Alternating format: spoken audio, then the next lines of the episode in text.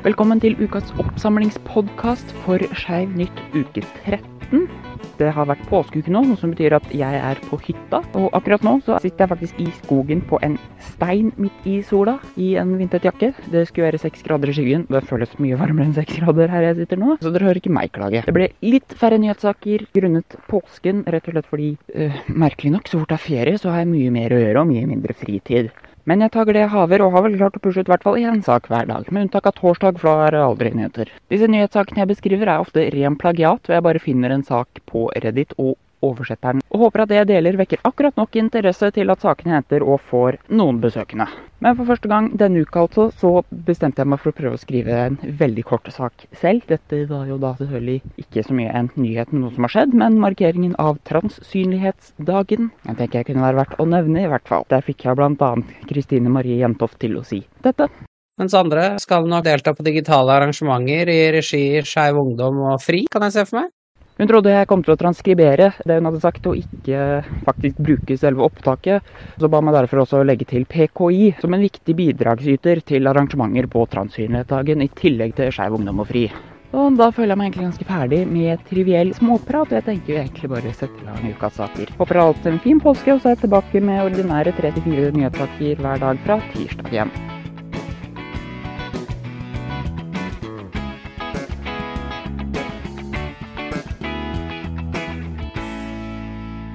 Velkommen til Skeiv nytt.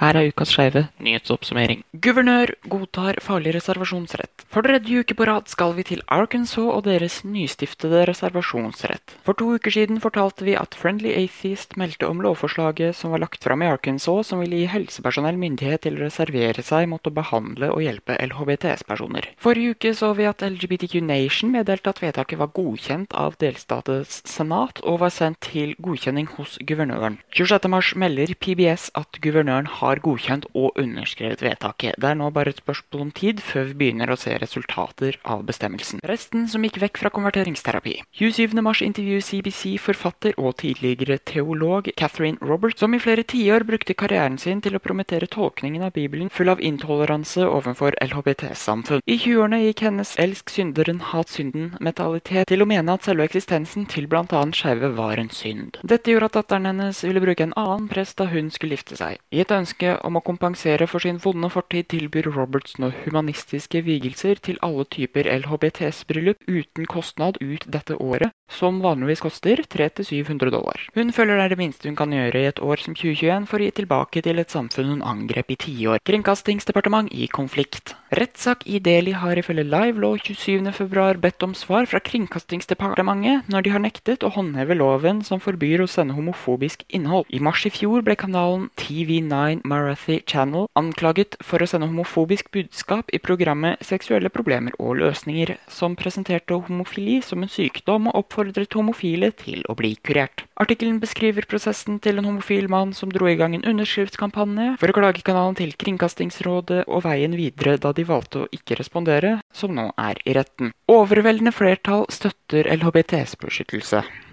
I et USA hvor stadig flere delstater vedtar lover som diskriminerer mot eller nekter LHBTS-personer grunnleggende rettigheter, viser allikevel en undersøkelse av PRRI at minst 60% av medlemmene i religiøse grupper støtter lover som beskytter LHBTS-personer mot nettopp diskriminering. Dette forteller Religion News Service 23.3. Lederne for de religiøse gruppene er ikke representative for de gjennomsnittlige medlem, konkluderer undersøkelsen vedrørende nevnt problemstilling. Og i snitt har støtten gått opp med ca. 10% siden samme undersøkelse ble gjennomført i 2015. Iowa trekker forslag om transjenter i sport. Demois Registra melder at de tre republikanerne som fremmet forslag i delstaten Iowa om bannlysning av transjenter i jentesport, nå trekker lovforslaget. I et USA hvor over 20 stater nå har samme forslag på bordet, var det en positiv opplevelse å se at Iowa velger å ikke gå gjennom med det. Argumentasjonen er at det vil bryte med føderale lover, og at elever som nektes tilgang til idrettslag, vil med loven i hånden kunne saksøke skoledistriktet. Irsk seksualklinikk har vært stengt i et år. Da pandemien tvang samfunnet til å stenge ned i mars i fjor, ble personalet på Irlands eneste seksualhelseklinikk for homofile menn flyttet over i andre stillinger for å dekke akutte behov. 26.3 melder Vice.com at klinikken da ble stengt, og at den fremdeles ikke har personale. I praksis betyr dette at 10 000 irske menn nå har stått uten tilbudet fra Gay Men's Health Service i over et år. Klinikken var allerede overbelastet i 2019, da 13% av potensielle kunder ble avvist grunnet manglende kapasitet. Det er generelt et problem i Irland at seksualhelseklinikker får for lite driftsmidler.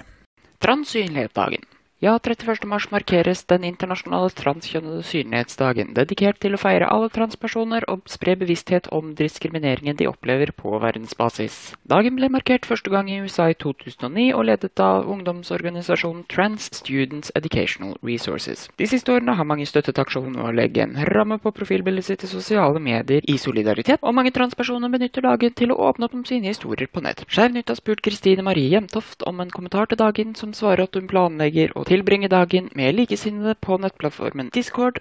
Mens andre skal nok delta på digitale arrangementer i regi Skeiv Ungdom og FRI, kan jeg se for meg. Og legger til Så anbefaler jeg å synliggjøre at ting skjer, selv om man ikke har mulighet til å delta. Vi holder oss til temakjønn. Tyskland beskytter interkjønnbabyer. 26.3 meddeler Spiegel.de at den tyske forbundsdagen har vedtatt at foreldre til interkjønnede barn ikke har lov til å be om det som kalles en kjønnsomlegningsoperasjon på sine nyfødte. Spedbarn kan med andre ord ikke opereres til mann eller kvinne ved fødsel fram til de selv kan gi samtykke. Paul Lechreider fra forbundsdagen uttaler at lovens hovedoppgave er å beskytte retten til kjønnsbestemmelse og de som er berørt mot unødvendig behandling. Pentagon vil dekke helseutgifter for transpersoner. Axios.com melder 31.3 at Pentagon planlegger å tilby kjønnsbekreftende behandling til transpersoner i det amerikanske forsvaret, som er en del av arbeidsplanen for å tilbakeføre innstramningene til Trump-administrasjonen som påvirket gruppen. Pentagon begrunner dem at Biden-administrasjonen går tilbake til en regel fra Obama-tiden om at tjenestemedlemmer skal få dekket kostnadene til kjønnsovergang, ettersom Biden er sterkt engasjert i en bedre innsats for å få støtte opp om transsamfunnet. Pentagon anslår at ca. 2200 nåværende tjenestemedlemmer har blitt diagnostisert med kjønnsdysfori. Det er mye snakk om restriksjoner i USA for tiden, og i dag er ikke noe inntak. Tennessee vil straffe bedrifter som lar transpersoner bruke foretrukket toalett. Hvem.us forteller 1.4 at Tennessee, etter å ha blitt den tredje delstaten til å innføre forbud mot transkvinner i kvinnesport, også vil innføre restriksjoner på hvilke toaletter bedrifter lar transpersoner i personalet og klientellet sitt benytte seg av. Om forslaget går gjennom, blir de første delstat som innfører en slik restriksjon. Bedriftene vil i praksis bli pålagt å skilte om de tillater transpersoner å benytte seg av toalett som stemmer overens med kjønnsidentiteten sin, eller om toalettet folk bes bruke skal dikteres av deres biologiske kjønn. Det er retorikken om at kvinner settes i fare ved at mannlige overgripere kan kle seg ut som kvinner og gå inn på kvinnetoalettene, som blir brukt for å fronte lovforslaget. Takk for at du hørte på denne ukens podkastversjon av Skeivnytt, presentert av Mason Vesi. Vi henter våre nyhetssaker fra subredditen LGBT News. Følg lenken i toppen av episodebeskrivelsen om du ønsker å lese mer om sakene vi har omtalt. Husk å følge podkasten i din app for å få med deg nye episoder, og at Skeivnytt alltid kommer først på Skeiv vlogs, Snapchat, lgbtq.vlog.